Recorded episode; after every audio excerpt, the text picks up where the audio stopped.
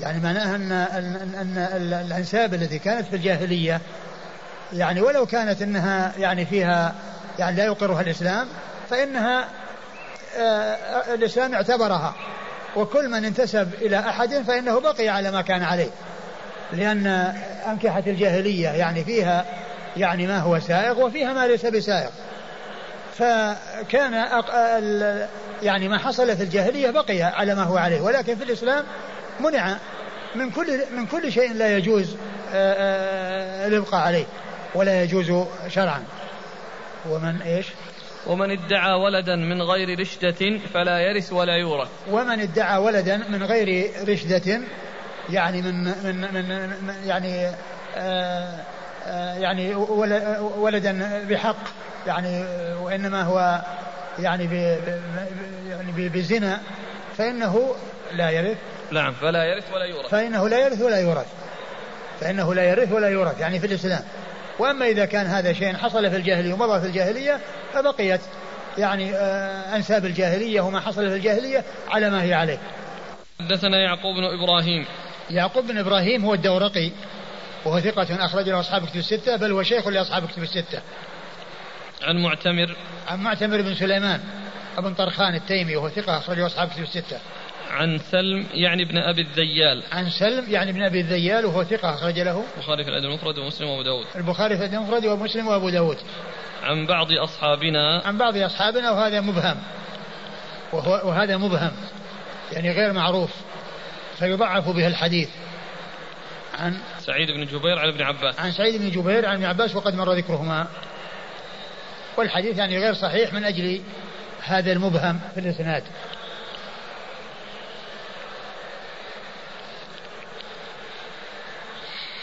قال حدثنا شيبان بن فروخ قال حدثنا محمد بن راشد قال حا وحدثنا الحسن بن علي قال حدثنا يزيد بن هارون قال أخبرنا محمد بن راشد وهو أشبع عن سليمان بن موسى عن عمرو بن شعيب عن أبيه عن جده رضي الله عنه أنه قال إن النبي صلى الله عليه وعلى آله وسلم قضى أن كل مستلحق استلحق بعد أبيه الذي يدعى له ادعاه ورثته فقضى أن, أن كل من كان من أمة يملكها يوم أصابها فقد لحق بمن استلحقه وليس له مما قسم قبله من الميراث شيء وما أدرك من ميراث لم يقسم فله نصيبه ولا يلحق إذا كان أبوه الذي يدعى له أنكره وإن كان من أمة لم يملكها أو من حرة عاهر بها فإنه لا يلحق به ولا يرث.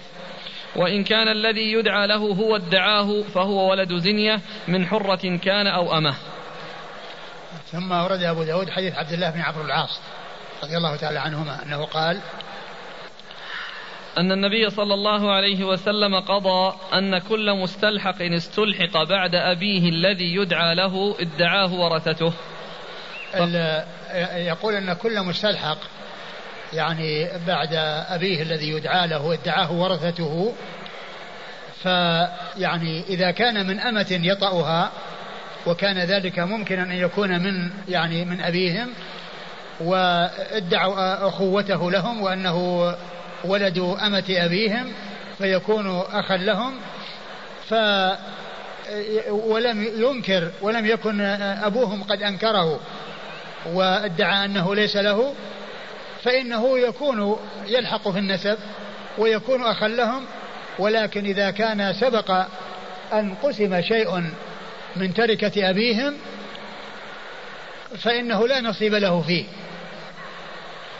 وإنما له نصيب مما لم يقسم. وذلك لأن ثبوت النسب ما حصل إلا بالاستلحاق. وقبل ذلك لم يثبت نسبه.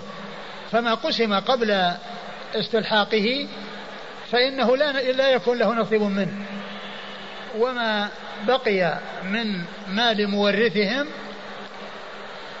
لم يقسم فإنه يأخذ نصيبه منه على أنه واحد من الأبناء. على أنه واحد من الأبناء. نعم. إيش بعده؟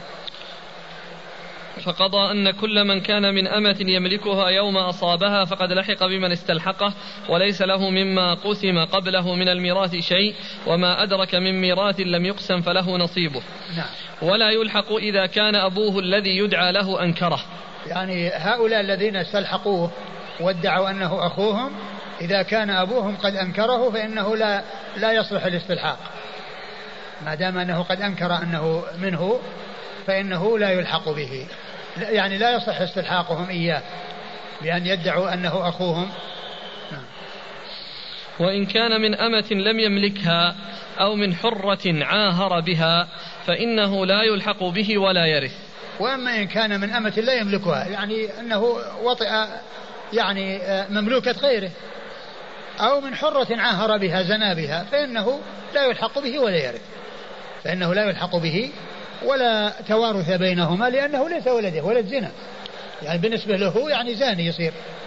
فلا يلحقه ولد ولا توارث بين الزاني وبين آه، آه، الولد الذي جاء عن طريق الزنا. وإن كان الذي يدعى له هو ادعاه فهو ولد زنية من حرة كان أو أمة. وإن كان؟ وإن كان الذي يدعى له هو ادعاه. فهو ولد زنية. وإن كان الذي يدعى له يعني ينسب إليه هو ادعاه فهو ولد زنية من حرة كان أو أمة. فهو ولد زنية يعني ولد زنا سواء كان من حرة أو أمة.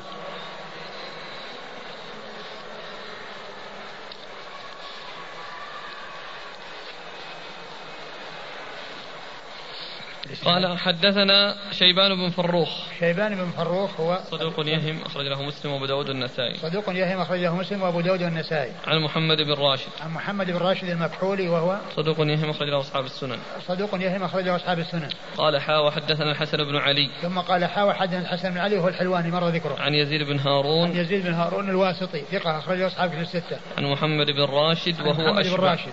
يعني وهذا أنزل الإسناد الثاني أنزل من الأول. يعني الإسناد الأول اثنين يعني آه، آه، آه، واحد قبل محمد الراشد وهنا نعم. اثنين قبل محمد بن راشد فالثاني أنزل ثم قال وهو أشبع يعني أتم يعني هذا الإسناد الثاني أو المتن الذي هو عن طريق الإسناد الثاني اللي هو الحسن بن, بن علي عن يزيد بن هارون عن محمد بن راشد قال وهذا أشبع يعني أنه أتم من الإسناد الأول. يعني متنه أتم من متن الإسناد الأول الذي هو شيبان بن فروخ عن محمد بن راشد. عن سليمان بن موسى. عن سليمان بن موسى وهو صدوق رجل مسلم في المقدمة وأصحاب السنن. وهو صدوق رجل مسلم في المقدمة وهو أصحاب السنن. عن عمرو عن عمرو بن شعيب وهو صدوق أخرج له البخاري في جزء القراءة وهو أصحاب السنن. عن أبيه شعيب بن محمد بن عبد الله بن عمرو وهو أيضا صدوق أخرجه البخاري في الأدب المفرد وجزء القراءة هو أصحاب السنن. عن عبد الله بن عمرو بن العاص رضي الله تعالى عنهما وهو الصحابي الجليل أحد العباد الأربعة من الصحابة وحديثه أخرجه أصحاب كتب الستة. صدوق. المكحولي صدوق يهم حديث حسن. نعم حديث حسن. قال حدثنا محمود بن خالد قال حدثنا أبي عن محمد بن راشد بإسناده ومعناه. زاد وهو ولد زنا لأهل أمه من كانوا حرة أو أمة وذلك فيما استلحق في أول الإسلام. فما اقتسم من مال قبل الإسلام فقد مضى. ثم ورد الحديث من طريق أخرى وفيه إيش قال؟ وهو ولد زنا لأهل أمه من كانوا. وهو ولد زنا لأهل أمه يعني يضاف إلى الزانية ولا يضاف إلى إلى إلى الزاني لأهل أمه من كانوا حرة أو أمة. نعم. وذلك فيما استلحق في أول الإسلام. نعم. وذلك, وذلك فيما استلحق في أول الإسلام. فما اقتسم من مال قبل الإسلام فقد مضى. يعني كما مر في الرواية السابقة. قال حدثنا محمود بن خالد. محمود بن خالد بن يزيد الدمشقي وهو صدوق وهو ثقة. ثقة. نعم. أخرج له مسلم. أبو داود والنسائي مسلم وأبو داود والنسائي وابن ماجه. لا لا. مسلم وأبو داود والنسائي. أبو داود والنسائي وابن ماجه. أخرجه أبو داود والنسائي وابن ماجه. عن أبيه عن أبيه وهو خالد بن يزيد. وهو ثقة. مقبول. أخرج له أبو داود وابن ماجه. أخرج له أبو داود بن ماجه. أبو داود بن ماجه. عن محمد بن راشد بإسناده ومعناه. محمد بن راشد بإسناده ومعناه نعم. قال رحمه الله تعالى باب في القافة. قال حدثنا مسدد وعثمان بن أبي شيبة المعنى وابن السرح. قالوا حدثنا سفيان عن الزهري عن عروة عن عائشة رضي الله عنها أنها قالت دخل علي رسول الله صلى الله عليه وآله وسلم. قال مسدد وابن السرح يوما مسرورا. وقال عثمان تعرف أسارير وجهه. فقال أي عائشة ألم تري أن مجززا المدلجي رأى زيدا وأسامة رضي الله عنهما قد غطيا رؤوسهما بقطيفة وبدت أقدامهما فقال إن هذه الأقدام بعضها من بعض. قال أبو داود كان أسامة أسود وكان زيد أبيض. ثم ورد أبو داود باب القافة باب في القافة. والقافة جمع قائف وهم الذين يعرفون الشبه بين الناس. يعني عندهم فراسة وخبرة. ويوجد في بعض القبائل العربية من يكون عنده آه، حذق وفطنة وانتباه لمعرفة الأشباه. فكان يقال لهم القافة. و آه، أورد أبو داود حديث عائشة رضي الله عنها أن النبي صلى الله عليه وسلم دخل عليها يوما وأسارير وجهه آه، وهو مسرور. تبرق أسارير وجهه عليه الصلاة والسلام. فقال أي عائشة ألم, ألم, ألم تري أن مجززا المدلجي آه نظر إلى أقدام آه زيد وأسامة وقد غطيا رؤوسهما فقال إن هذه الأقدام بعضها من بعض. وكان زيد أبيض وابنه أسامة كان أسود وكان الناس يتكلمون في هذا الفرق بين الأب والإبن. والنبي صلى الله عليه وسلم كان يكره يعني ذلك الكلام ولكنه لما رأى هذا القائف الذي رأى أقدامهما بادية ورؤوسهما مغطاة بالقطيفة قال إن هذه الأقدام بعضها من بعض. يعني معناه أن هذا من هذا. فالرسول صلى الله عليه وسلم فرح وسر يعني هذا الكلام الذي قاله القائف وهو لا يسر بباطل وإنما يسر بحق. وهذا دليل على اعتبار القافة أو القيافة وقول القائف وأن لأن الرسول صلى الله عليه وسلم أقر ذلك وسر به وهو لا يسر بباطل صلوات الله وسلامه وبركاته عليه. وهذا يدل على اعتبار القيافة وأنه عندما يحصل اشتباه ولم يكن هناك يعني إلا وهناك تساوي فإنه يعرض الأمر على القافة ومن قالت إنه يشبه فلان فإنه يلحق به. إذا كان هناك يعني مثلا آه، آه، وطء آه، من من عدد و صار الولد يعني محتمل أن يكون من هذا ومن هذا ومن هذا فإنهم يعرضون على القافة ومن قد قدمت في القافة فإنه يكون الولد ينسب إليه.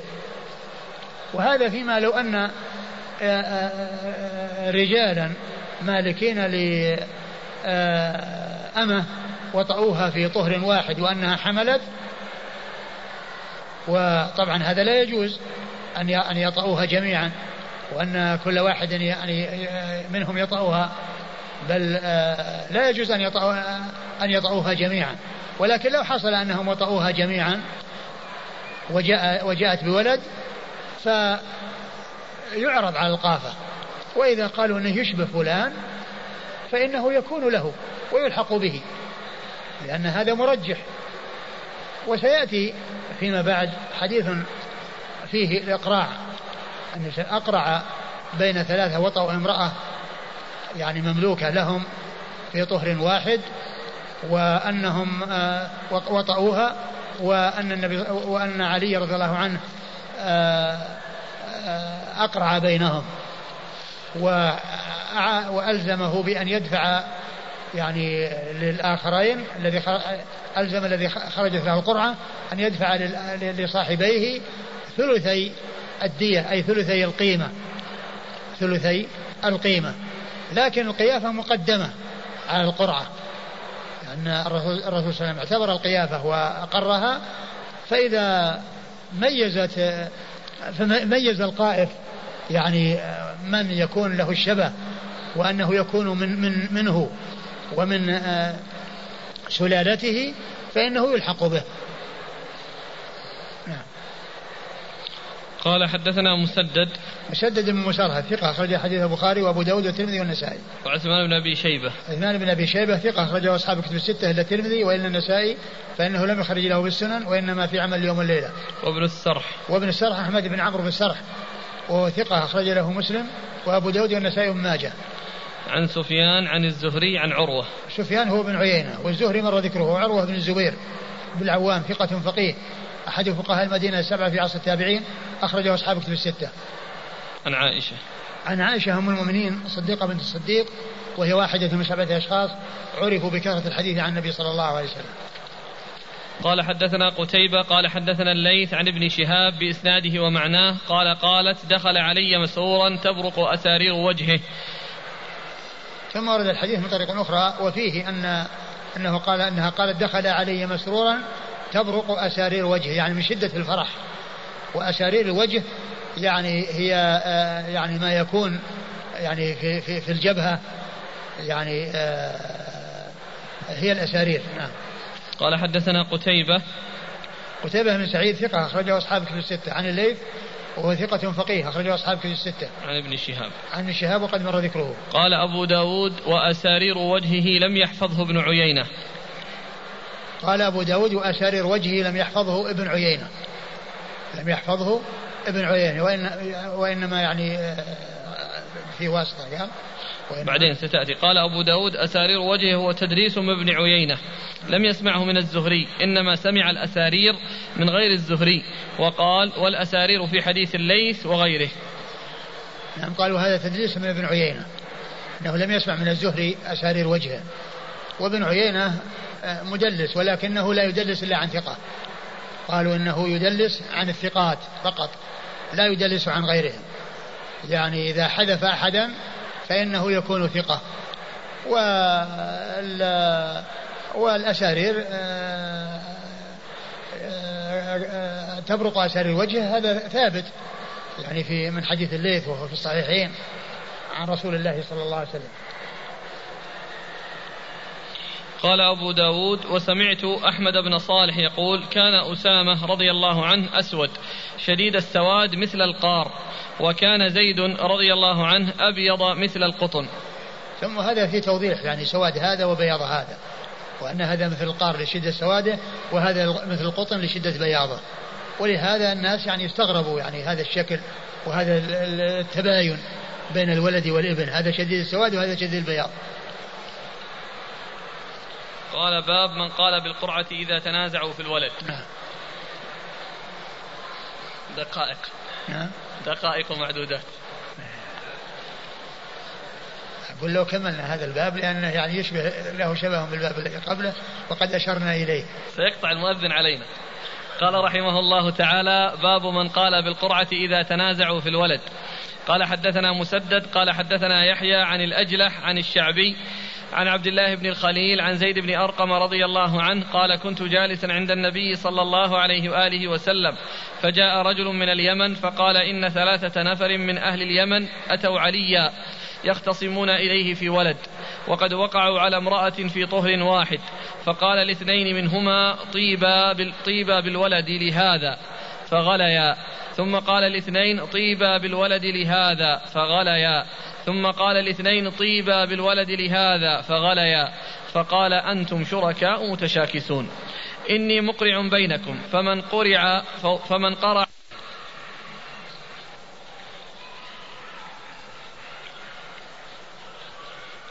نتوقف ولا نقرأ؟ الأمر ما أمرت والرأي ما رأيت. طيب نتوقف جزاكم الله خيرا وبارك الله فيكم وأحسن الله إليكم ونفعنا الله بما قلتم. في سؤال خارج الدرس لكن الأخوة يقولوا مهم لأنه غدا عندهم رحلة. رحلة إلى مدائن صالح يقولوا الشيخ وش رأيه؟ والله أنا أرى أنه لا ينبغي أن يذهب إلى مدائن صالح ولا أن تقصد بالزيارة لأن النبي صلى الله عليه وسلم آه، لما مر بها أسرع فكون الإنسان يعني لا يذهب إليها هو الأولى. لأن الرسول لما مر بها أسرع. فكيف الإنسان يروح يتعمد إلى أنه يعني يذهب إليها و يعني ويتجول فيها ويبقى فيها؟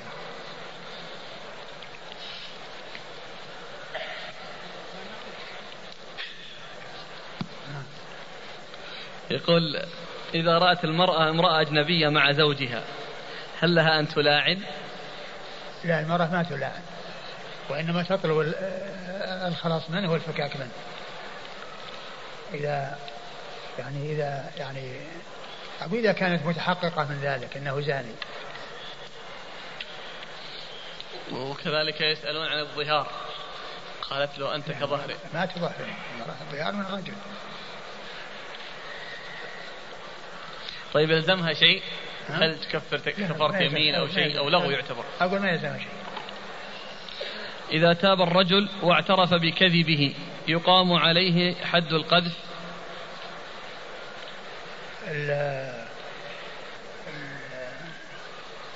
الذي يبدو أن الرسول صلى الله عليه وسلم لما يعني يعني فرق بينهما فرق بينهما وجرى الحكم الذي هو التفريق يعني نتيجة للعان. لكن يعني كونه يعني يقام عليه حد القذف لو اعترف لا أدري. والمرأة إذا اعترفت هل ترجم؟ كذلك. نفس الجواب السابق.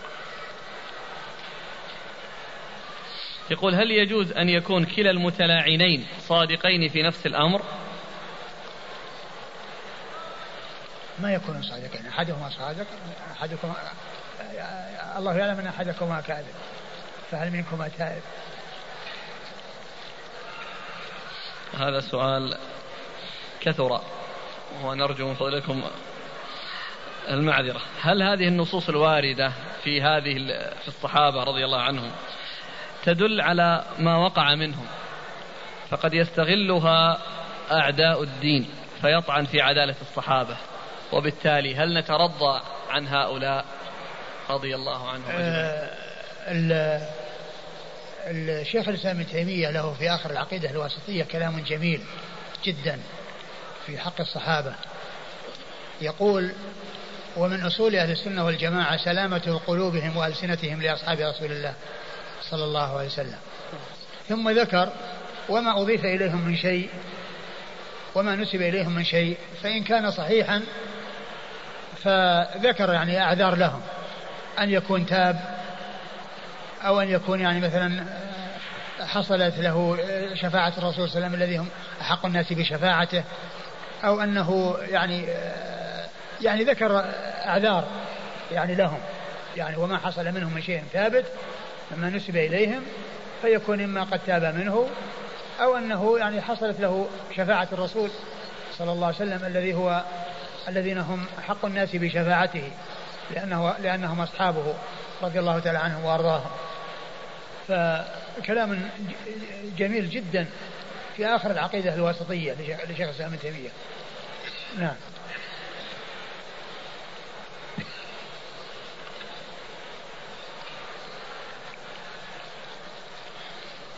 والترضي نترضى عن الجميع.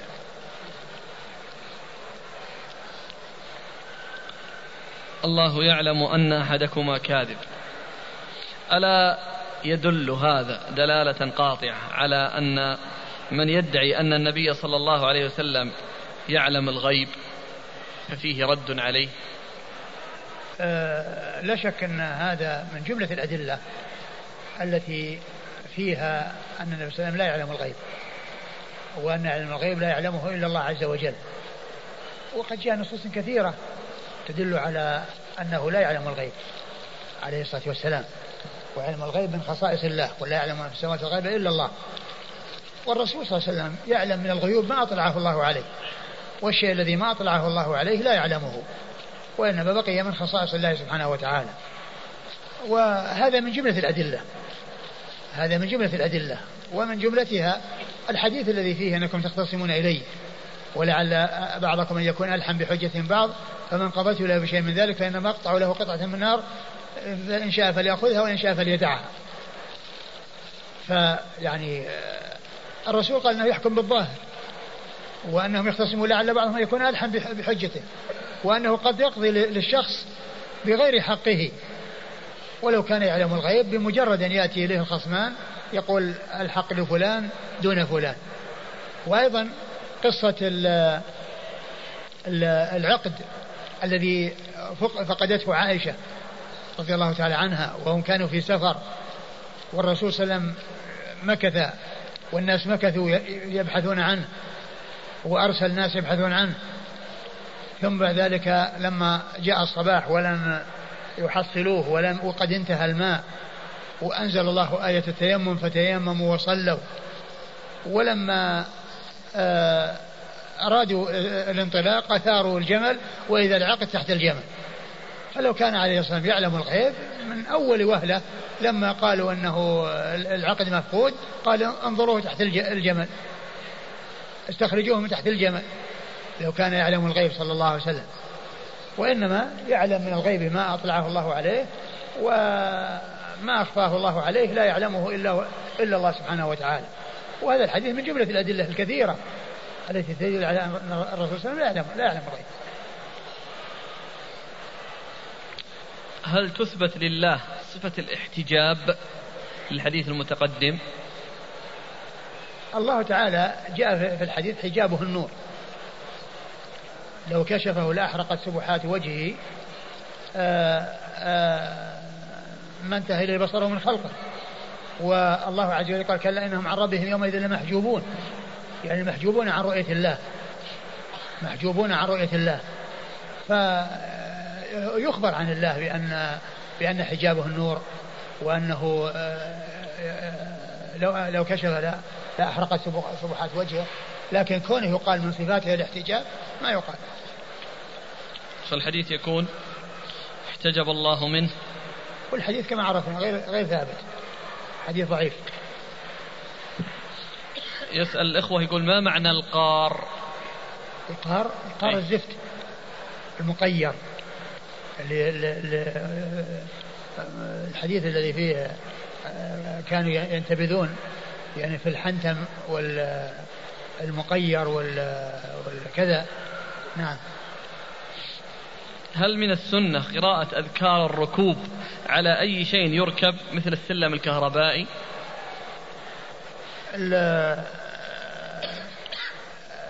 الركوب الذي هو للسفر يعني دعاء السفر من أوله إلى آخره هذا ما يكون للسفر.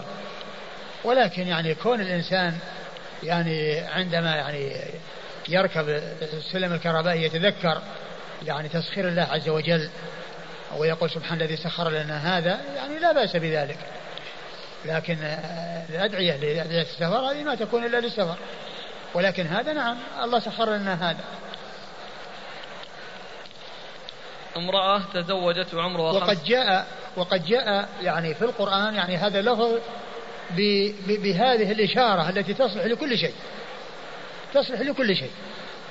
يعني سبحان الذي سخر لنا هذا. يعني ما سمي المركوب يتسوى على ظهوره اللي هي الإبل.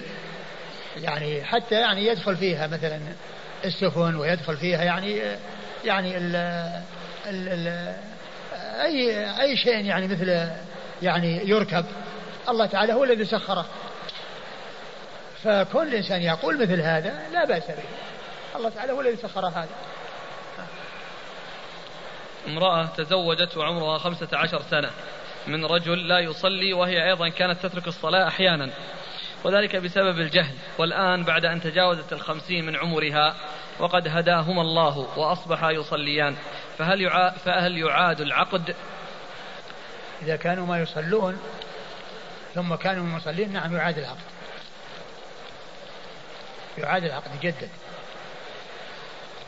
وهو يبقى على حالهم لأنهم عقود الكفار. لا بس, لا بس هذا يعني كما هو من هذا في الإسلام. أقول هذا في الإسلام هي بعقود الكفار.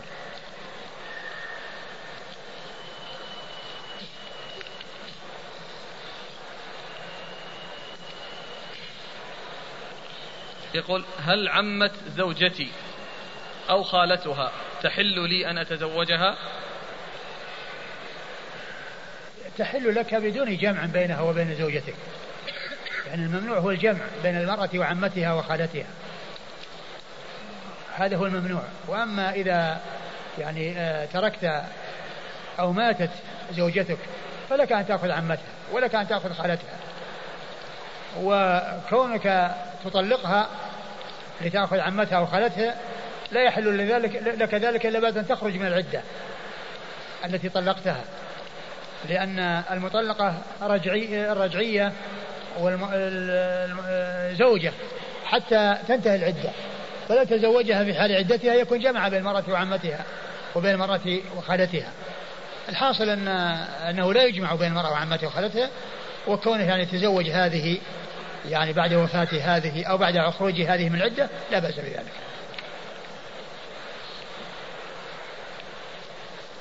يقول وإن كانت الطلقة الثالثة كما هو معلوم الطلقة الثالثة أيضا لها عدة. أقول لها عدة. قال الإمام أبو داود السجستاني رحمه الله تعالى باب من قال بالقرعة إذا تنازعوا في الولد. قال حدثنا مسدد قال حدثنا يحيى عن الأجلح عن الشعبي عن عبد الله بن الخليل عن زيد بن أرقم رضي الله عنه أنه قال كنت جالسا عند النبي صلى الله عليه وعلى آله وسلم فجاء رجل من اليمن فقال إن ثلاثة نفر من أهل اليمن أتوا عليا رضي الله عنه يختصمون إليه في ولد وقد وقعوا على امرأة في طهر واحد. فقال لاثنين منهما طيبا بالولد لهذا فغليا. ثم قال لاثنين طيبا بالولد لهذا فغليا. ثم قال لاثنين طيبا بالولد لهذا فغليا. فقال أنتم شركاء متشاكسون. إني مقرع بينكم فمن قرع فله الولد. وعليه لصاحبيه ثلثاء الدية. فأقرع بينهم فجعله لمن قرع. فضحك رسول الله صلى الله عليه وعلى آله وسلم حتى بدت أضراسه أو نواجذه. بسم الله الرحمن الرحيم، الحمد لله رب العالمين وصلى الله وسلم وبارك على عبده ورسوله نبينا محمد وعلى آله وأصحابه أجمعين أما بعد. يقول الإمام أبو داود السجستاني رحمه الله تعالى باب القرعة من قال بالقرعة إذا تنازعوا في الولد من قال بالقرعة إذا تنازعوا بالولد باب من قال بالقرعة أي أن القرعة هي التي يفصل بها بين المتنازعين في الولد. ويتصور ذلك بكون آه، آه، آه، كما جاء في الحديث ثلاثة أشخاص وطأوا مملوكة لهم وفي طهر واحد وهذا لا يجوز. يعني كونهم يطعونها جميعا بل يعني الذي يطأها واحد منهم. وأما كونهم يطعونها جميعا فذلك لا يجوز.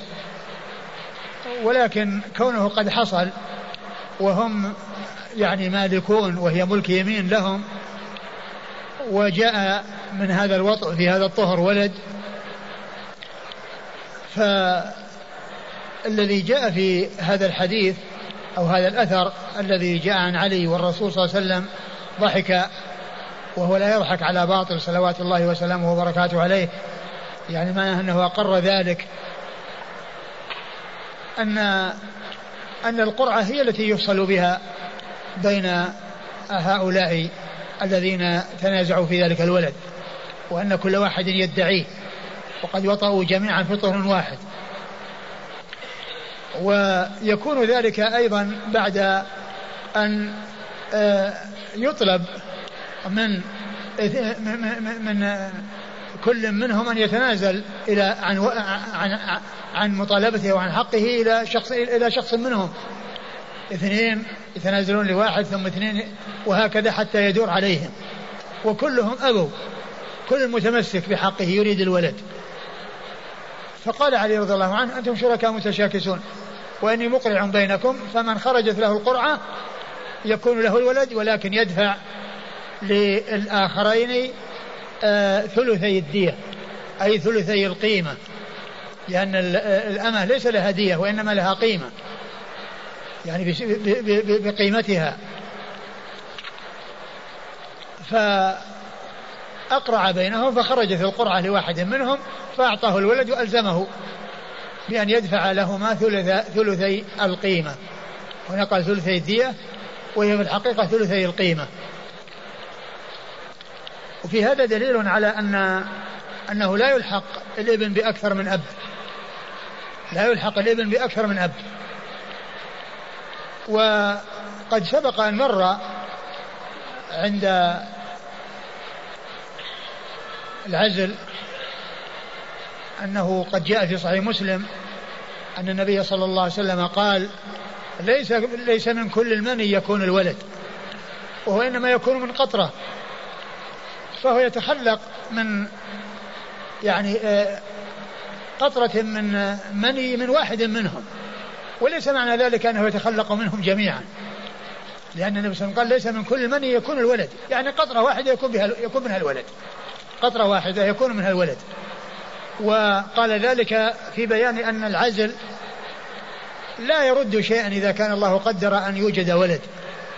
فقد تنطلق قطرة ويكون منها الولد. لأنه ليس من كل الحمل يكون الولد. قطرة واحدة يكون منها الولد. فإذا الولد يخلق من ماء واحد ولا ينسب إلى أكثر من أب. ولا ينسب إلى أكثر من أب. ثم إن علي رضي الله تعالى عنه وأرضاه قال لاثنين منهم طيب به للآخر. فغليا يعني أبيا وارتفعت أصواتهما. يعني آه، امتنع وأظهر ذلك. يعني صاح يعني آه، في, الامتناع والإباء.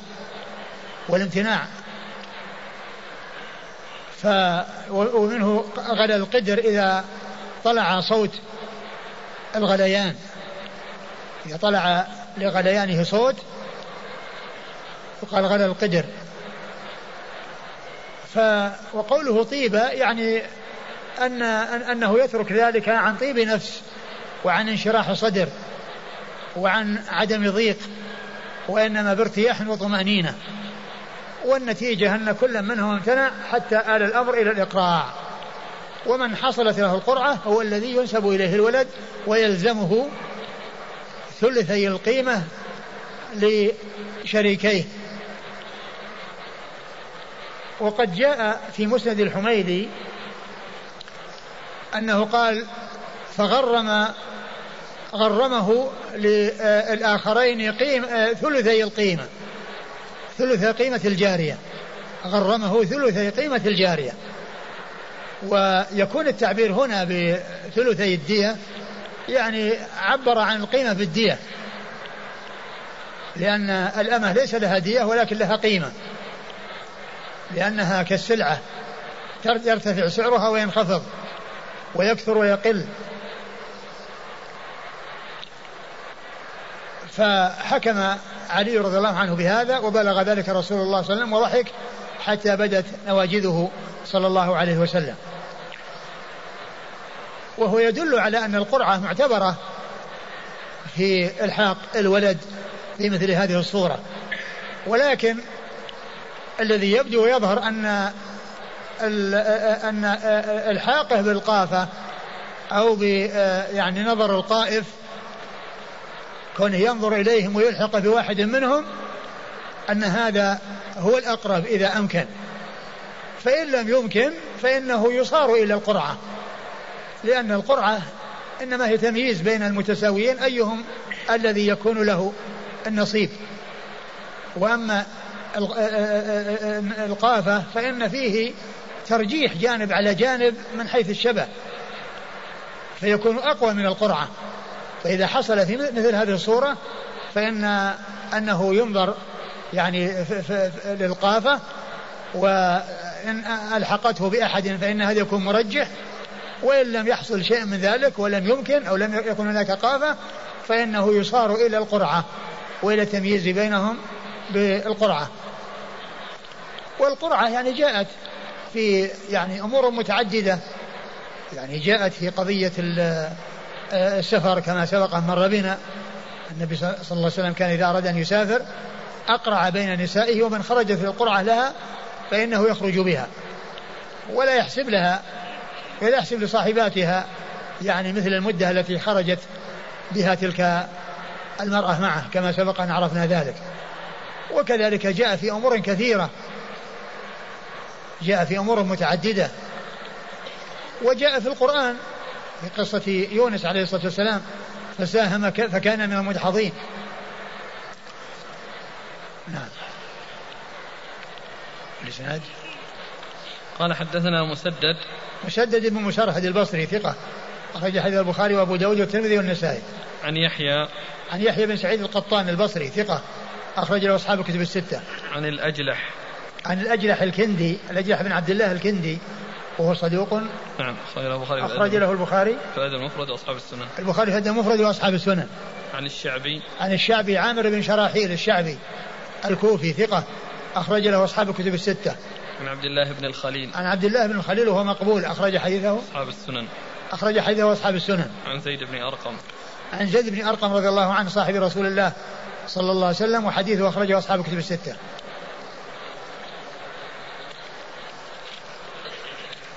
قال حدثنا خشيش بن أصرم قال حدثنا عبد الرزاق قال أخبرنا الثوري عن صالح الهمداني عن الشعبي عن عبد خير عن زيد, عن زيد بن أرقم رضي الله عنه أنه قال أتي علي رضي الله عنه بثلاثة وهو باليمن وقعوا على امرأة في طهر واحد فسأل اثنين أتقران لهذا بالولد؟ قالا لا حتى سألهم جميعا فجعل كلما سأل اثنين قالا لا. فأقرع بينهم فألحق الولد بالذي صارت عليه القرعة وجعل عليه ثلثي الدية. قال فذكر ذلك للنبي صلى الله عليه وآله وسلم فضحك حتى بدت نواجذه.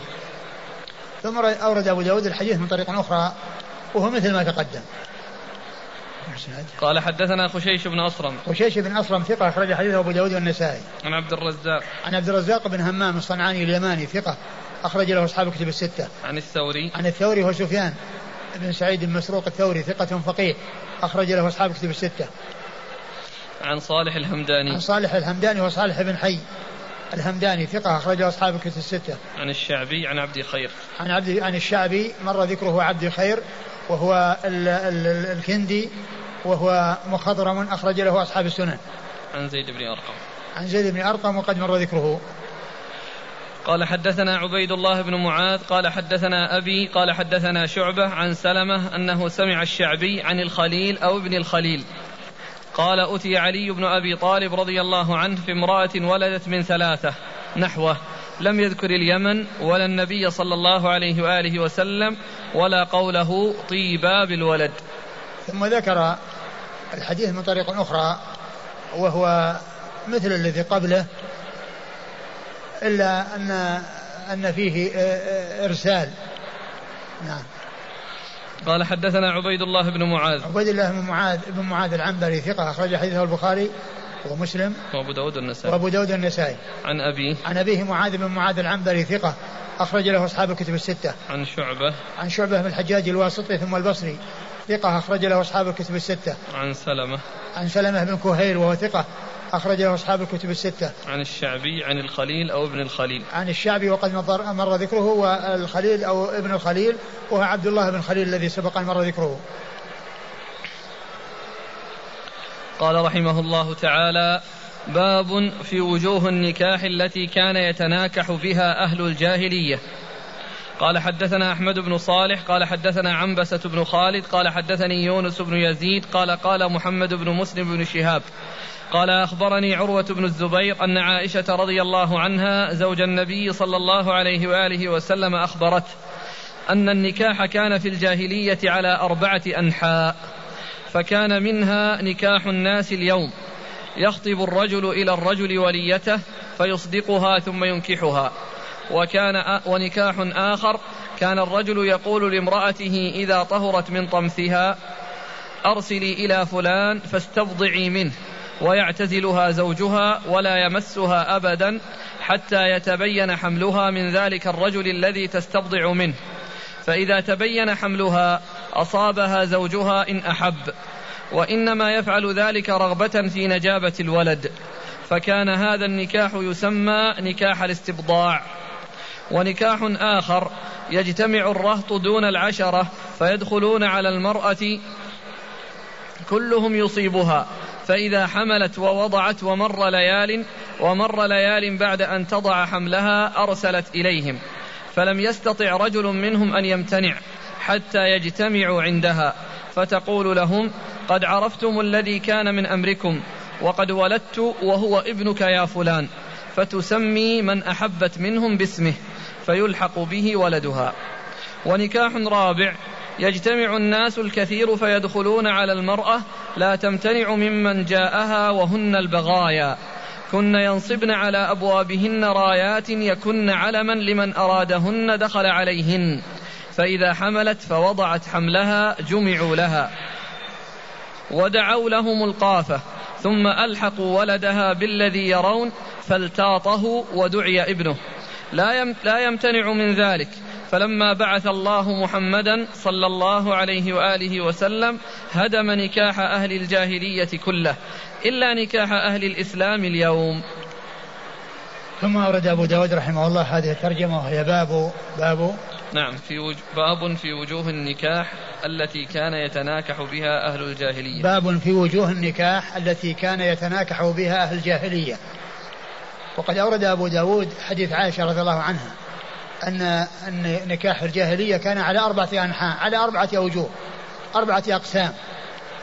أحدها النكاح الذي عليه المسلمون والذي جاء به الإسلام وهو أن الرجل يأتي إلى الرجل ويخطب موليته منه ويصدقها ثم ينكحها إياه. وهذا هو النكاح الشرعي الذي جاء به الإسلام. وكان هذا مما كان في الجاهلية وأقره الإسلام. وهذا مما كان في الجاهلية فأقره, فأقره الإسلام. وهذا هو النكاح الصحيح الشرعي. والنكاح الثاني أو النوع الثاني هو أن الرجل إذا كان له امرأة ثم طمثت يعني حاضت لا يقربها بعد الحيض ويطلبها أن تست... يطلب منها أن تستبضع من شخص يكون معروف بالشهامة ومعروف يعني علو المنزلة فيجامعها فإذا حملت وتحقق حملها بعد ذلك إن شاء أن يطع أن يطأها هو وإلا تركها ثم يعني ينسب الولد إليه يعني إلى يعني آه ذلك الذي يعني آه آه الذي هو زوجها ثم هذا نكاح ثاني ويسمى نكاح الاستبضاع. والثالث أن المرأة الزانية يكون يأتيها الرهط دون العشرة فيدخلون عليها ويجامعونها في طهر واحد فإذا حملت من واحد منهم بعد أن تلد تدعو هؤلاء ثم تخبرهم بالذي حصل منهم وتقول إن الولد لك يا فلان تعين واحدا منهم فيأخذه ويصير ابنا له بذلك. يعني وهو ابن من الزنا. والرابع هو أن البغايا ينصبن رايات على بيوتهن يدعون الرجال إلى أنفسهن وكل من أراد دخل. ويعرف آه الذين دخلوا عليها وحصل منهم جماع لها وهم كثيرون. ثم بعد ذلك بعدما تلد يدعون ويعرض الولد على القافة فينظر فيهم ويلحقه بواحد منهم فيستلحقه فيستلحقه ويكون ابنا له بذلك. فجاء الإسلام وهدم كل ما كان في الجاهلية إلا النكاح الذي عليه الناس وهو الأول أو القسم الأول من هذه الأقسام الأربعة. يعني هدم الثلاثة الباقية وغيرها من أفعال الجاهلية التي تتعلق بالنكاح وأقر هذا النكاح الذي هو أن يأتي الرجل إلى الرجل فيخطب وليته منه ثم يصدقها وينكحها إياه نعم. متى؟ أن النكاح كان في الجاهلية على أربعة أنحاء فكان منها نكاح الناس اليوم يخطب الرجل إلى الرجل وليته فيصدقها ثم ينكحها ونكاح آخر كان الرجل يقول لامرأته إذا طهرت من طمثها أرسلي إلى فلان فاستبضعي منه ويعتزلها زوجها ولا يمسها أبدا حتى يتبين حملها من ذلك الرجل الذي تستبضع منه. فإذا تبين حملها أصابها زوجها إن أحب وإنما يفعل ذلك رغبة في نجابة الولد. فكان هذا النكاح يسمى نكاح الاستبضاع ونكاح آخر يجتمع الرهط دون العشرة فيدخلون على المرأة كلهم يصيبها.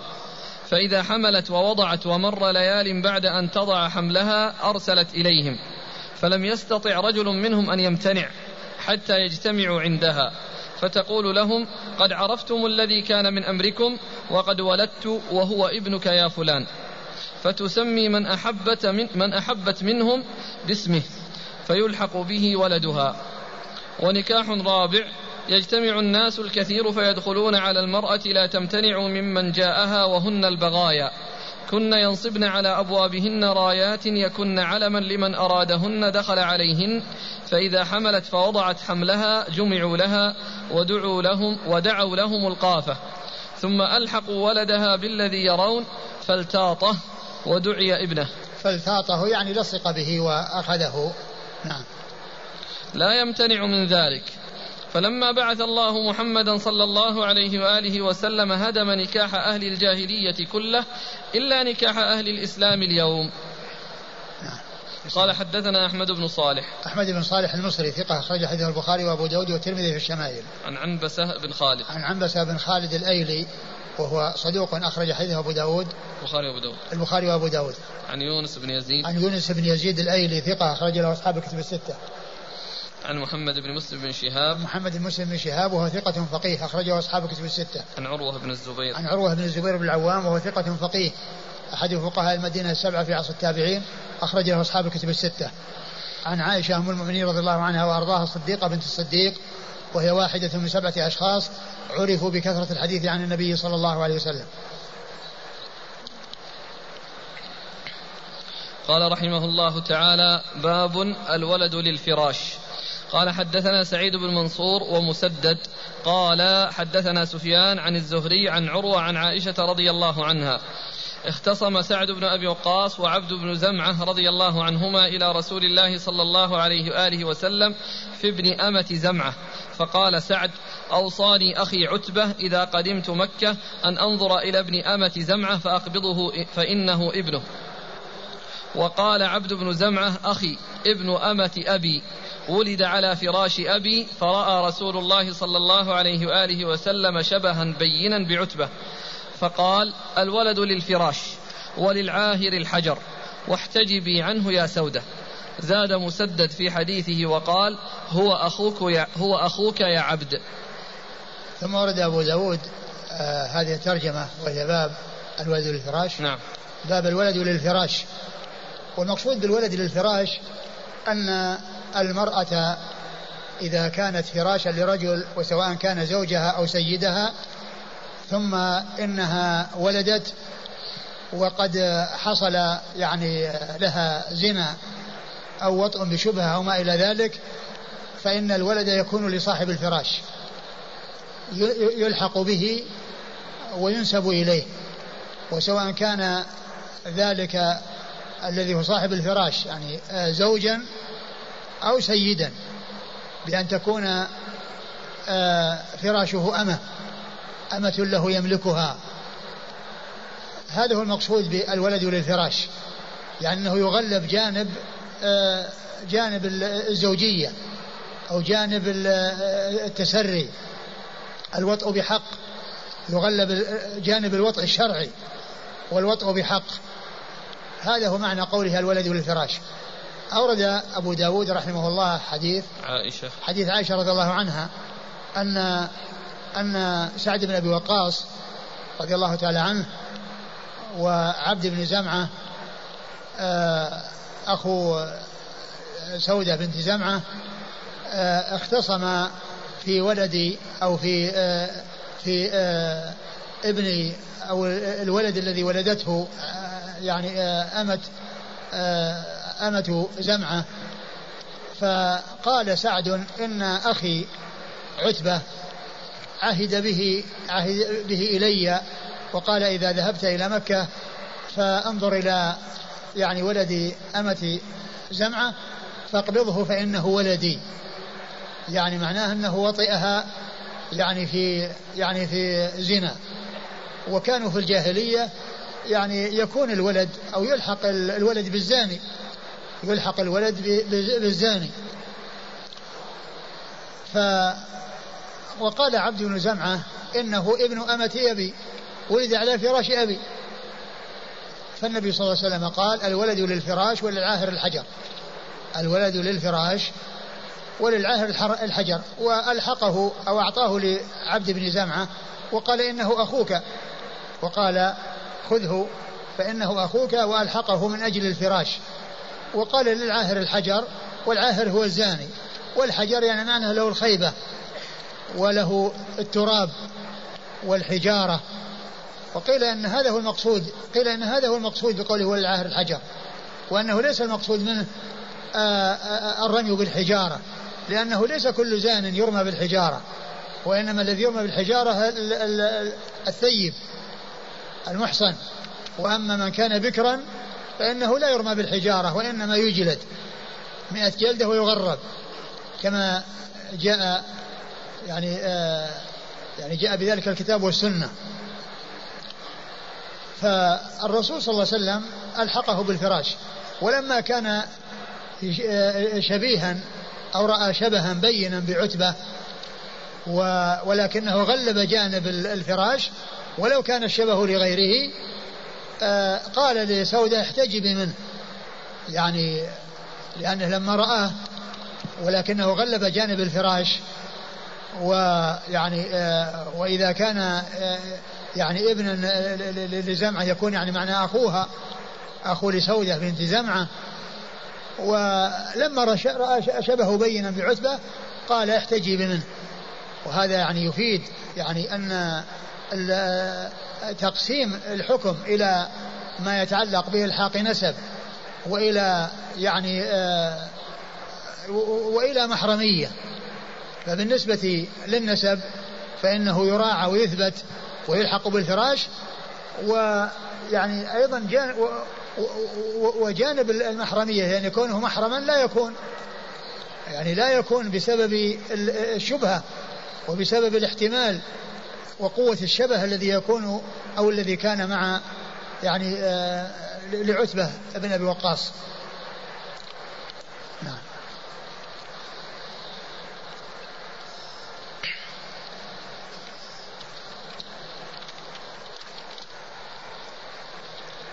قال حدثنا سعيد بن منصور. سعيد بن منصور ثقة أخرج له أصحاب الكتب الستة. ومسدد مسدد. مر ذكره عن سفيان. سفيان هو بن عيينة المكي ثقة أخرج له أصحاب الكتب الستة. عن الزهري عن عروة عن عائشة. عن الزهري عن عروة عن عائشة وقد مر ذكرهم.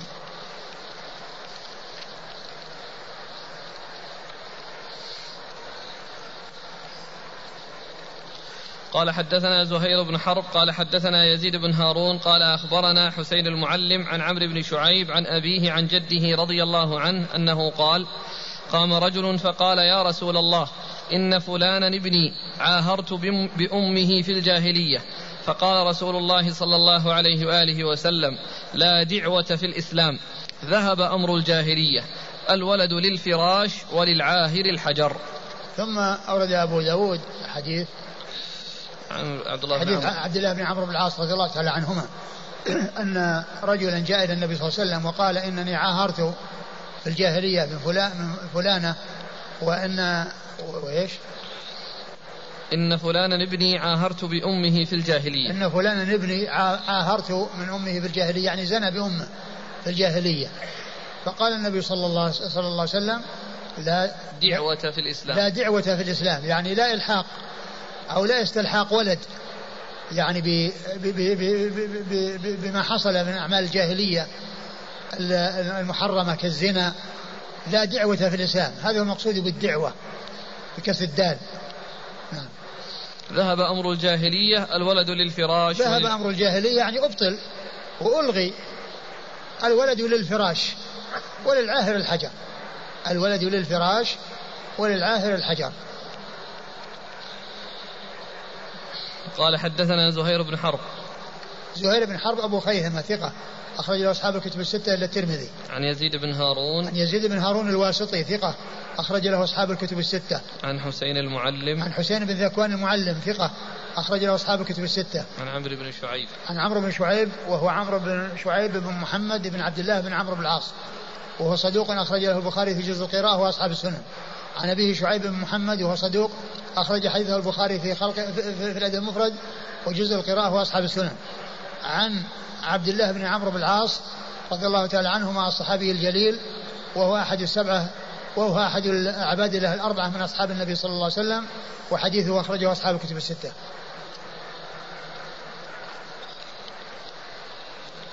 قال حدثنا موسى بن إسماعيل قال حدثنا مهدي بن ميمون أبو يحيى قال حدثنا محمد بن عبد الله بن أبي يعقوب عن الحسن بن سعد مولى الحسن بن علي بن أبي طالب رضي الله عنه عن رباح أنه قال زوجني أهلي أمة لهم رومية فوقعت عليها فولدت غلاما أسود مثلي فسميته عبد الله.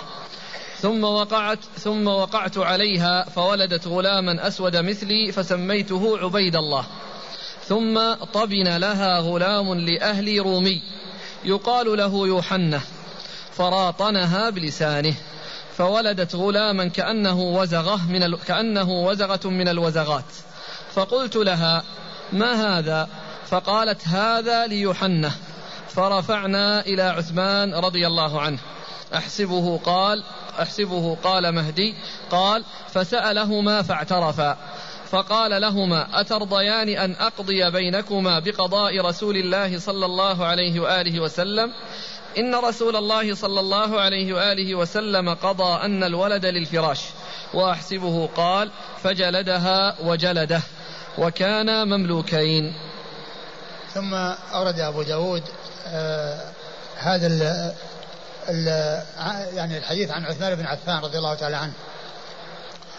أن رجلا يقال له رباح يعني كان له وهو مملوك وتزوج يعني أمه وأنها ولدت له غلاما أسود مثله ثم وطئها ولدت له وسماه عبد الله ثم وطئها وولدت له غلاما أسود مثله وسماه عبيد الله. ثم إن هناك هناك عبد رومي آآ آآ طبن إليها أو طبن إليها يعني معناه أنه خدعها وأفسدها أو أنه آه، يعني آه، آه، أو, أو, أو, أو أنه يعني راودها عن نفسها أي راودها عن نفسها حتى أنه وقع عليها فولدت غلاما كأنه وحرة. وزغة من الوزغات. كأنه وزغة من الوزغات يعني لونه يختلف عن لونه يعني هو لأنه كان يعني أسود. وولده له غلام أسود فصار يعني على شبه شكل الرومي. يعني هذا الذي وطأها يقال له يوحنا. فرفعوا الأمر إلى عثمان رضي الله عنه وأرضاه وقال إني أقضي بقضاء رسول الله صلى الله عليه وسلم الولد للفراش وأنه جلدهما. أنه جلدهما وإيش بعد ذلك؟ وجلدها وجلده وكان مملوكين. وكان مملوكين. جلده وجلدها وكان مملوكين يعني نصف الحد الذي يكون على المؤمنين والمؤمنات. أترضيان أن أقضي بينكما بقضاء رسول الله صلى الله عليه وسلم؟ يعني هذا المقصود يعني آه يعني بيان أن عنده في ذلك سنة عن رسول الله صلى الله عليه وسلم. والحديث ضعيف لأن فيه رباح هذا وهو مجهول. رباح هذا الذي في الإسناد وهو صاحب القصة هو مجهول وهو غير ثابت. قال لكن كون الولد للفراش والعاهر الحجر هذا ثابت.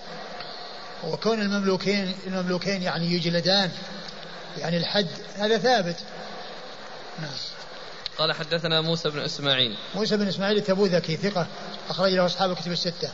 عن مهدي بن ميمون. عن مهدي بن ميمون وهو ثقة أخرج له أصحاب الكتب. أصحاب الكتب الستة. عن محمد بن عبد الله بن أبي يعقوب. محمد بن عبد الله بن أبي يعقوب وهو ثقة أخرج له أصحاب الكتب. نعم. وهو ثقة أخرج له أصحاب الكتب الستة. عن الحسن بن سعد. عن الحسن بن سعد وهو ثقة أخرج البخاري في الأدب المفرد ومسلم وأبو داود والنسائي بن ماجه. وهو ثقة أخرجه البخاري في الأدب المفرد ومسلم وأبو داود والنسائي بن ماجه. عن رباح. عن رباح وهو مجهول أخرج له أبو داود. عن عثمان. عن عثمان بن عفان أمير المؤمنين وثالث الخلفاء الراشدين الهادين المهديين صاحب المناقب الجمة والفضائل الكثيرة رضي الله عنه وأرضاه وحديثه عند أصحاب الكتب الستة. قال رحمه الله تعالى باب من أحق بالولد. قال حدثنا محمود بن خالد السلمي قال حدثنا الوليد عن أبي عمرو يعني الأوزاعي قال حدثني عمرو بن شعيب عن أبيه عن جده عبد الله بن عمرو رضي الله عنهما أن امرأة قالت يا رسول الله إن ابني هذا كان بطني له وعاء وثدي له سقاء وحجري له حواء وإن أباه طلقني وأراد أن ينتزعه مني.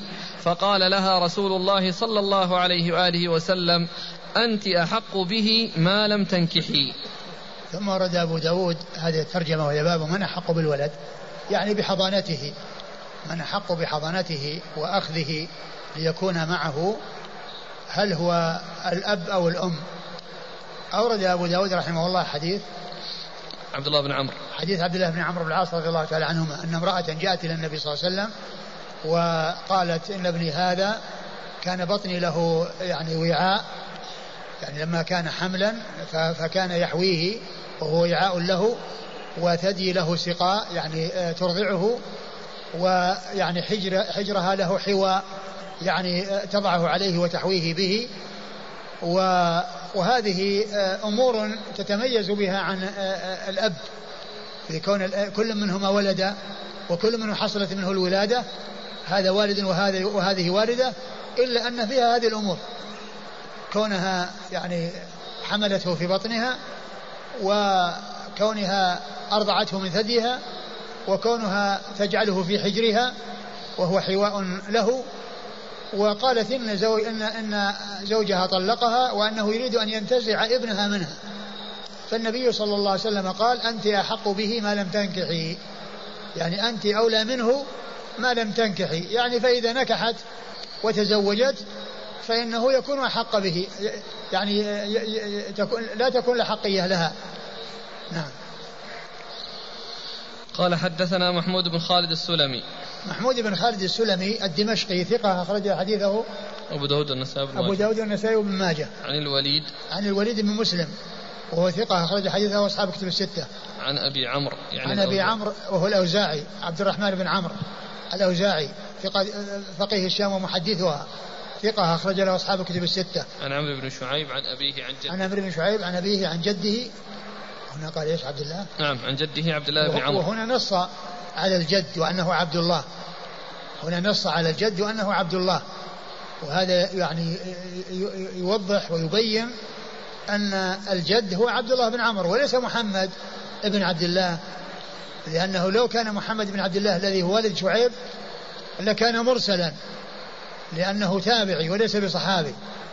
ولكن شعيبا روى عن جده عبد الله وقد صح سماعه منه فيكون متصلا. وسبق مرت هذه الترجمة. نعم. قال حدثنا الحسن بن علي الحلواني قال حدثنا عبد الرزاق وأبو عاصم عن ابن جريج قال أخبرني زياد عن هلال بن أسامة أن أبا ميمونة سلمى مولا من أهل المدينة رجل صدق.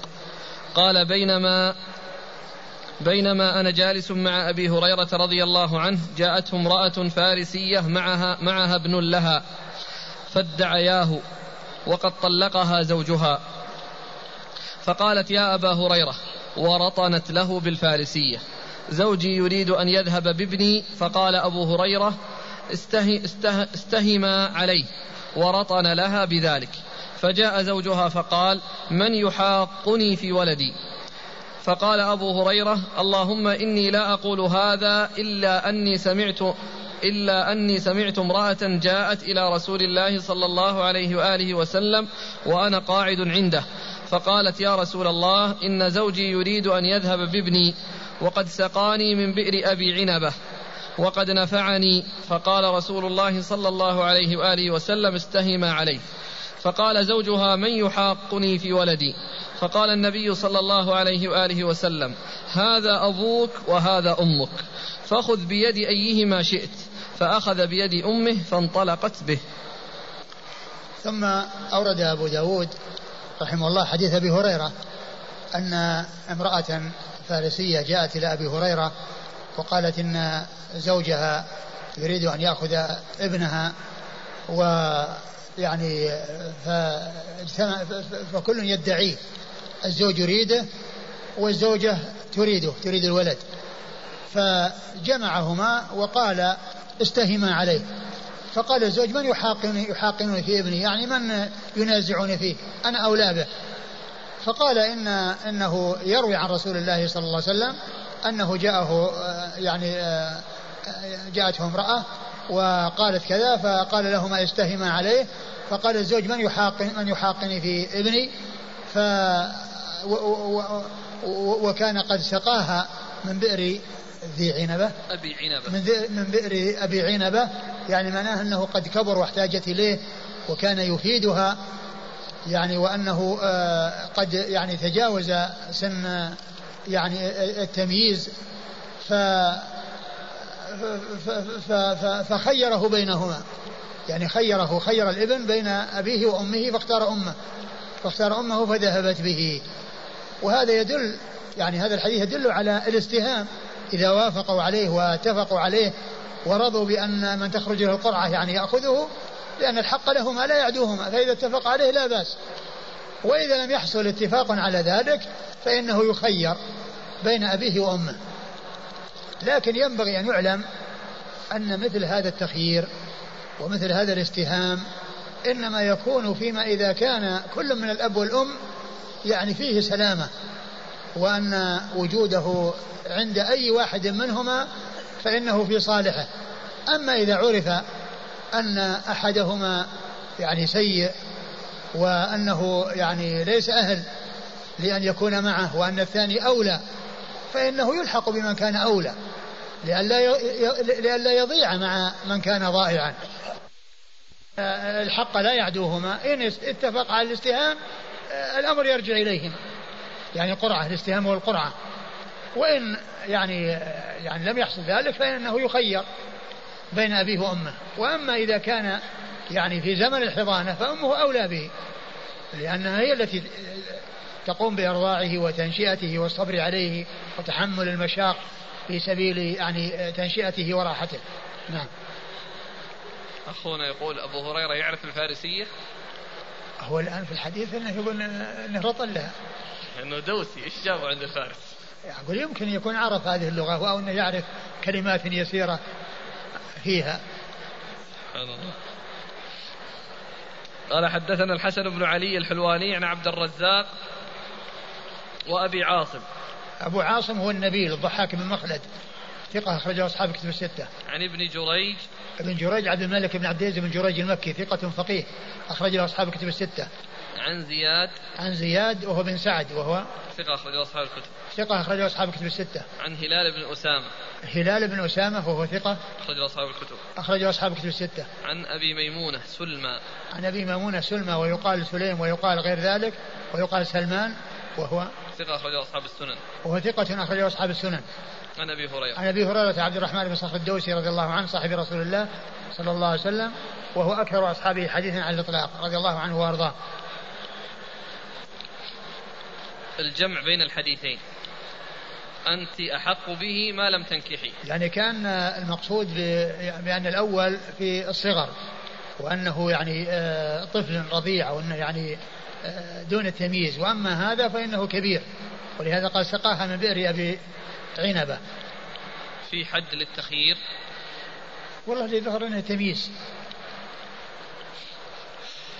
قال حدثنا العباس بن عبد العظيم قال حدثنا عبد الملك بن عمرو قال حدثنا عبد العزيز بن محمد عن يزيد بن الهاد عن محمد بن إبراهيم عن نافع بن عجير عن أبيه عن علي رضي الله عنهما أنه قال خرج زيد بن حارثة رضي الله عنه إلى مكة فقدم بابنة حمزة فقال جعفر رضي الله عنه أنا آخذها أنا أحق بها ابنة عمي وعندي خالتها وإنما الخالة أم. فقال علي رضي الله عنه أنا أحق بها ابنة عمي وعندي ابنة رسول الله صلى الله عليه وآله وسلم وهي أحق بها. فقال زيد أنا أحق بها. أنا خرجت إليها وسافرت وقد وقدمت بها فخرج النبي صلى الله عليه وآله وسلم فذكر حديثا. قال وأما الجارية فأقضي بها لجعفر تكون مع خالتها وإنما الخالة أم. ثم ورد أبو داود رحمه الله آه، حديث زيد بن حارثة رضي الله عنه أنه ذهب بابنة حمزة بن عبد المطلب عم النبي صلى الله عليه وسلم وأن آه، عبد الله بن جعفر يعني طلبها وقال إن خالتها عندي وهي أسماء بنت عميس و وقال علي أنا آه، هذاك ابن عمها وقال يعني أيضا آه، علي أنا ابن عمها وابنة رسول الله صلى الله عليه وسلم يعني عندي. فخرج رسول, رسول الله صلى الله عليه وسلم وقال وقال زيد أنا جئت بها وأنا يعني وهو يريد أن يكون يعني آه، أن تكون حضانتها عنده. فالنبي صلى الله عليه وسلم أعطاها لجعفر وقال الخالة بمنزلة الأم. أعطاه إياها من أجل زوجته التي هي خالتها وقال الخالة بمنزلة الأم. وهذا يدلنا على أن ان أن الخالة يعني آه، هي الأولى بالحضانة بعد الأم. نعم. قال حدثنا العباس يعني بعد الأم يعني آه يعني لقربها منها ولصلتها منها وكذلك أم وكذلك أم المرأة. يعني يعني أيضا كذلك يعني هي من أولى الناس بحضانتها. نعم. قال حدثنا العباس بن عبد العظيم العباس بن عبد العظيم العنبري ثقة أخرج حديث البخاري تعليقا ومسلم وأصحاب السنن عن عبد الملك بن عمرو عبد الملك بن عمرو وهو أبو عامر العقدي وهو ثقة أخرج أصحاب ثقة أخرج أصحاب كتب الستة عن عبد العزيز بن محمد عبد العزيز بن محمد الدراوردي صدوق أخرجه أصحاب كتب الستة عن يزيد بن الهاد عن يزيد بن الهاد وهو ثقة أخرجه أصحاب كتب الستة. عن محمد بن إبراهيم. عن محمد بن إبراهيم التيمي ثقة أخرج له أصحاب كتب الستة. عن نافع بن عجير. عن نافع بن عجير وهو قيل له صحبة وذكر ابن حبان وغيره في التابعين أخرج له أبو داود. قيل له صحبة وذكر ابن حبان وغيره في التابعين أخرج له أبو داود وحده. عن أبيه. عن أبيه عجير ابن ابن يزيد بن هاشم. عجير بن عبد يزيد نعم. ابن هاشم وهو صحابي. أخرج له أبو داود. أخرج له أبو داود. عن علي. عن علي بن أبي طالب رضي الله عنه أمير المؤمنين ورابع الخلفاء الراشدين الهادين المهديين صاحب المناقب الجمة والفضائل الكثير رضي الله عنه وأرضاه. وحديثه عند أصحاب الكتب الستة.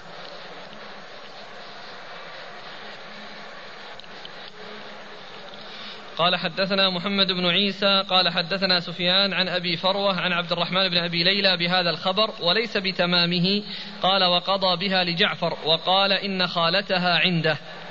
ثم ورد الحديث من طريق أخرى وهو مثل الذي قبله. قال حدثنا محمد بن عيسى. محمد بن عيسى هو الطباع وهو ثقة أخرج حديثه آه، مسلم. البخاري تعليقا. البخاري تعليقا وأبو داود والترمذي في الشمال والنسائي وابن ماجه. عن سفيان. عن سفيان وهو بن عيينة مر ذكره. عن أبي فروة. عن أبي فروة وهو عروة بن أبو فروة مسلم بن سالم الجهني. لا هو هو أبو فروة الأكبر الذي هو عروة بن الحارث أظن عروة بن الحارث.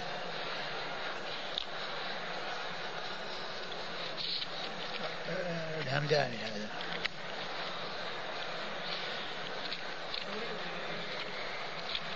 عيينة عروة بن من يا شيخ؟ هو بالحارث. أبو فروة الأكبر. أبو أبو فروة. أبو فروة الأكبر. ما هو ما هو بالحارث؟ إلا فيه يوجد هذا. لكن أبو فروة؟ أي أيوة. هو هذا يكون؟ هو هذا لأن في في في التقريب في في تهذيب الكمال يعني آه، آه، روى يعني آه، ابن عيينة هو ابن عيينة إيه؟ يعني عن عن عن أبو فروة الهمداني. وهذا هو الهمداني اللي هو الأكبر. وعبد الرحمن بن أبي ليلى روى عنه الاثنان. روى عنه الاثنان الأصغر والأكبر. والأصغر من هو؟ الأصغر هذا الذي ذكرت مسلم. الظاهر الجلهول. الجهني.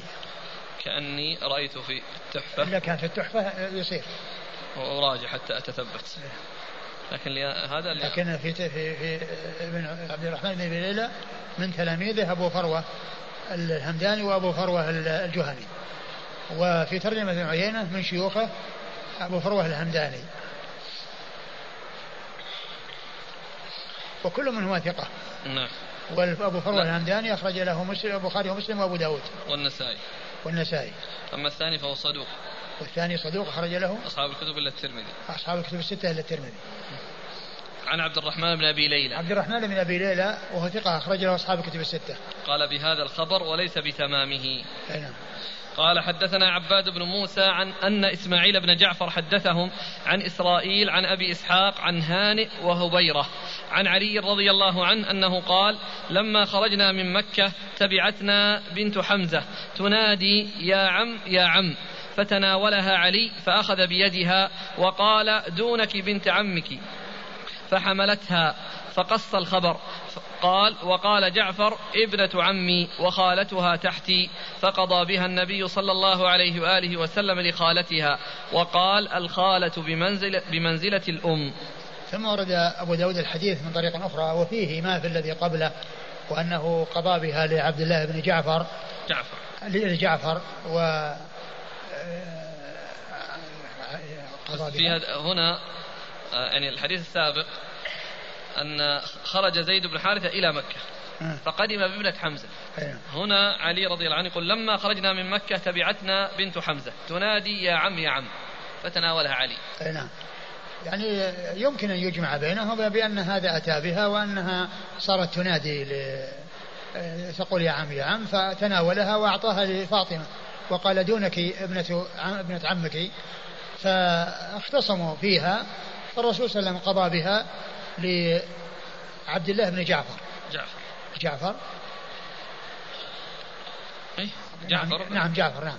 قضى بها لجعفر يعني وقال يعني زوج وأمها وخالتها تحتي نعم التي هي أسماء بنت عميس. يعني زوجة جعفر بن أبي طالب. نعم. قال حدثنا عباد بن منصور. عباد بن منصور الختلي وهو أخرج آه، ثقة أخرجه البخاري ومسلم وأبو داود النسائي ثقة أخرجه البخاري ومسلم وأبو داود النسائي عن إسماعيل بن جعفر. عن إسماعيل بن جعفر ثقة أخرجه أصحاب الكتب الستة. عن إسرائيل. عن إسرائيل بن يونس بن أبي إسحاق. وهو ثقة أخرجه أصحاب الكتب الستة. عن أبي إسحاق. عن أبي إسحاق وهو عمرو بن عبد الله الهمداني السبيعي. ثقة أخرج له أصحاب الكتب الستة. عن هانئ. عن هانئ بن هانئ وهو لا بأس به. مستور. وهو مستور نعم. أخرج له. البخاري المفرد وأصحاب السنن. البخاري هذا المفرد وأصحاب السنن. وهبيرة وهبيرة بن يريم وهو لا بأس به وهو بمعنى صدوق. أخرج له. أصحاب السنن. أخرجه أصحاب السنن. عن علي. عن علي رضي الله عنه وقد مر ذكره. قال رحمه الله باب في عدة المطلقة. والله تعالى أعلم وصلى الله وسلم وبارك على عبده ورسوله نبينا محمد وعلى آله وأصحابه أجمعين. الجمع يا شيخ فيه فيه غموض. لأن هناك يعني زيد بن حارثة لما اختصموا قال أنا أحق بها أنا خرجت إليها وسافرت وقدمت بها. هنا. يعني يدل أنه هو جايبها جابها إلى المدينة. هذا هو نفسه الكلام لكن هنا يقول لما خرجنا من مكة تبعتنا بنت حمزة. تنادي يا عم يا عم. يعني كأن المفهوم أنهم على أطراف مكة هم طالعين. لا كأنهم يعني لما وصلوا هو هو قال خرجنا إلى مكة أول قال لما خرجنا من مكة زيد بن حارثة. لا زيد بن حارثة يقول يقول علي رضي الله عنه خرج زيد بن حارثة إلى مكة فقدم بابنة حمزة. إلى مكة؟ إيه. آه. فقدم بابنة حمزة. نعم. نعم. فقال جعفر أنا آخذها أنا أحق بها ابنة عمي وعندي خالتها وإنما الخالة أم. فقال علي أنا أحق بها ابنة عمي وعندي ابنة رسول الله صلى الله عليه وسلم وهي أحق بها. خرج خرج زيد بن الحارث إلى مكة. إلى مكة. أيوة. فقدم بابنة حمزة. خرج إلى مكة. نعم. فقدم بابنة حمزة.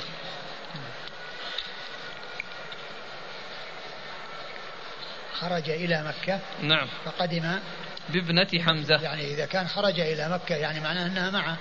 إذا كان إذا كانت معه في خروجه إلى مكة.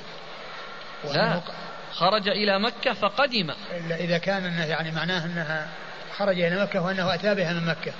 أتى بها من مكة. ولذلك لما تنازعوا قال أنا أحق بها أنا خرجت إليها وسافرت وقدمت بها.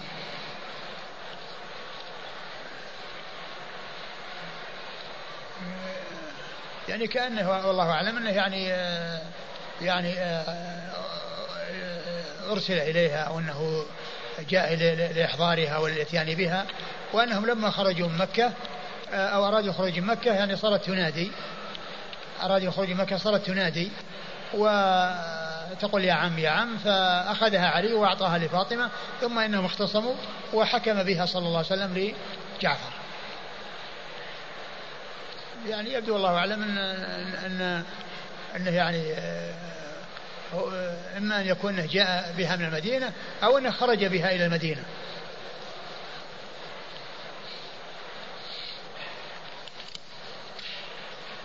جزاكم الله خيرا. وبارك الله فيكم ونفعنا الله ما قلتم.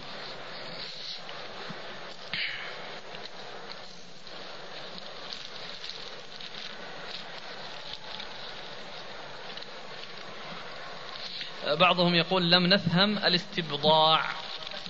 الاستبضاع هو يعني كون يعني الاستبضاع هو المقصود به الجماع إيش العبارة اللي قال يعني أمرها أن يباضعها؟ في الأول قال لزوجته أن يباضعها. أو إيش العبارة؟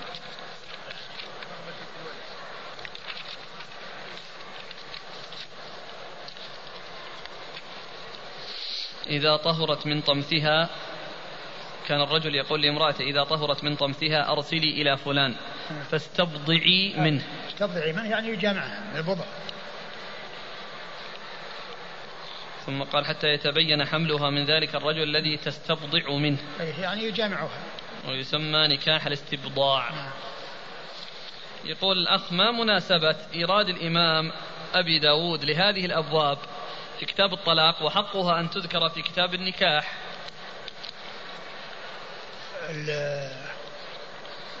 يعني كأنها يعني يعني جاء بكل ما يتعلق في مسائل الطلاق والنكاح.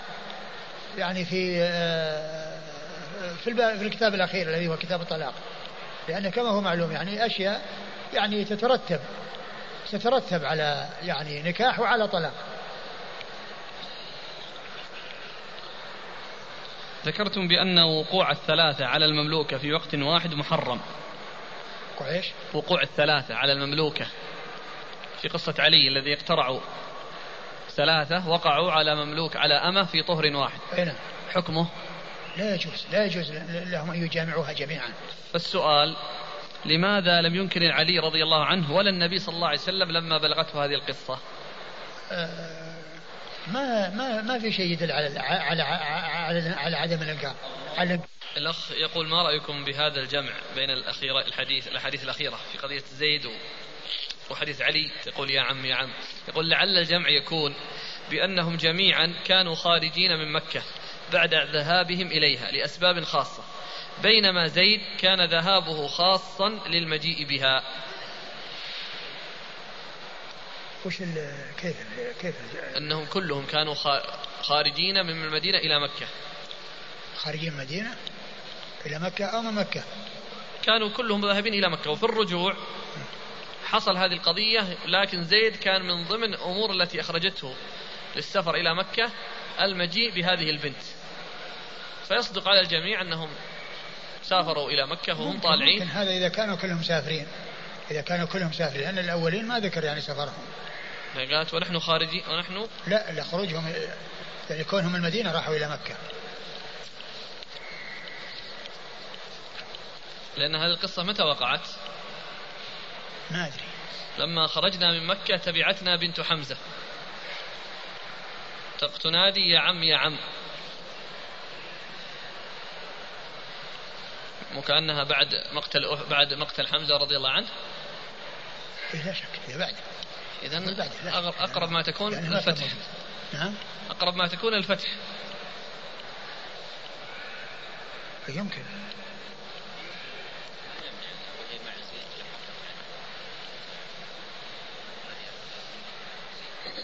ما هو ما, ما, ما في مانع.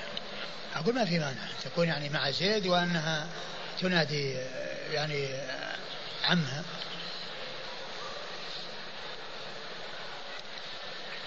لماذا أمر النبي صلى الله عليه وسلم سودة رضي الله عنها أن تحتجب عن ابن آمة زمعة وهو يعتبر أخوها؟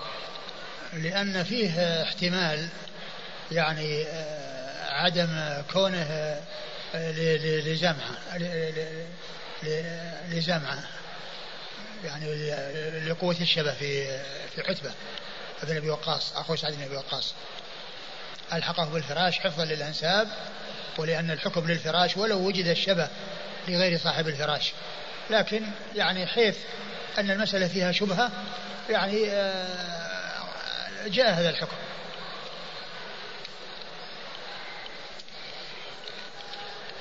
يعني فيثبت فيثبت النسب ويثبت الإلحاق ويعني يتبعض الحكم مثل ما قال ابن القيم.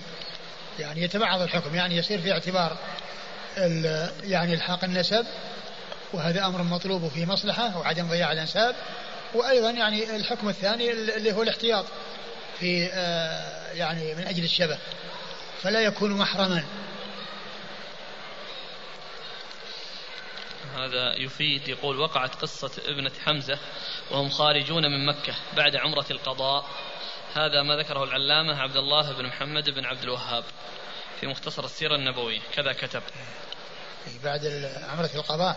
إيه. هو, هو, هو أقرب شيء يعني بالنسبة لرجوعهم من مكة. أقرب شيء لأن قبل ما كان هناك يعني ما كان هناك ذهاب إلى مكة. وبعد ذلك حصلت الحديبية عمرة الحديبية ثم جاءت عمرة القضاء فهي قبل الفتح. أقول قبل الفتح ممكن أن هذا أقرب شيء اللي هي عمرة القضاء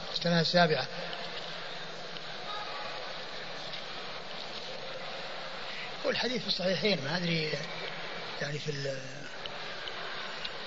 هو في شيء عن يعني ذكر زيد في الصحيحين كذا ما قال ابن أخي أو شيء من هذا. ما أذكر إيش نعم.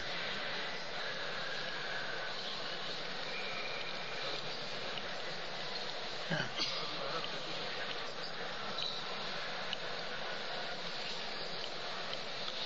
يقول الأخ هل يجوز استعمال الوسائل الحديثة الطبية لمعرفة لمن هو الولد بحيث أنها تحدد ذلك بدقة متناهية وهي أقوى من قضية القافة؟ أقول ما أدري عن صحة الكلام هذا أنه يعني أنها تحدد من يكون له الولد لأن قضية ال يعني ال ال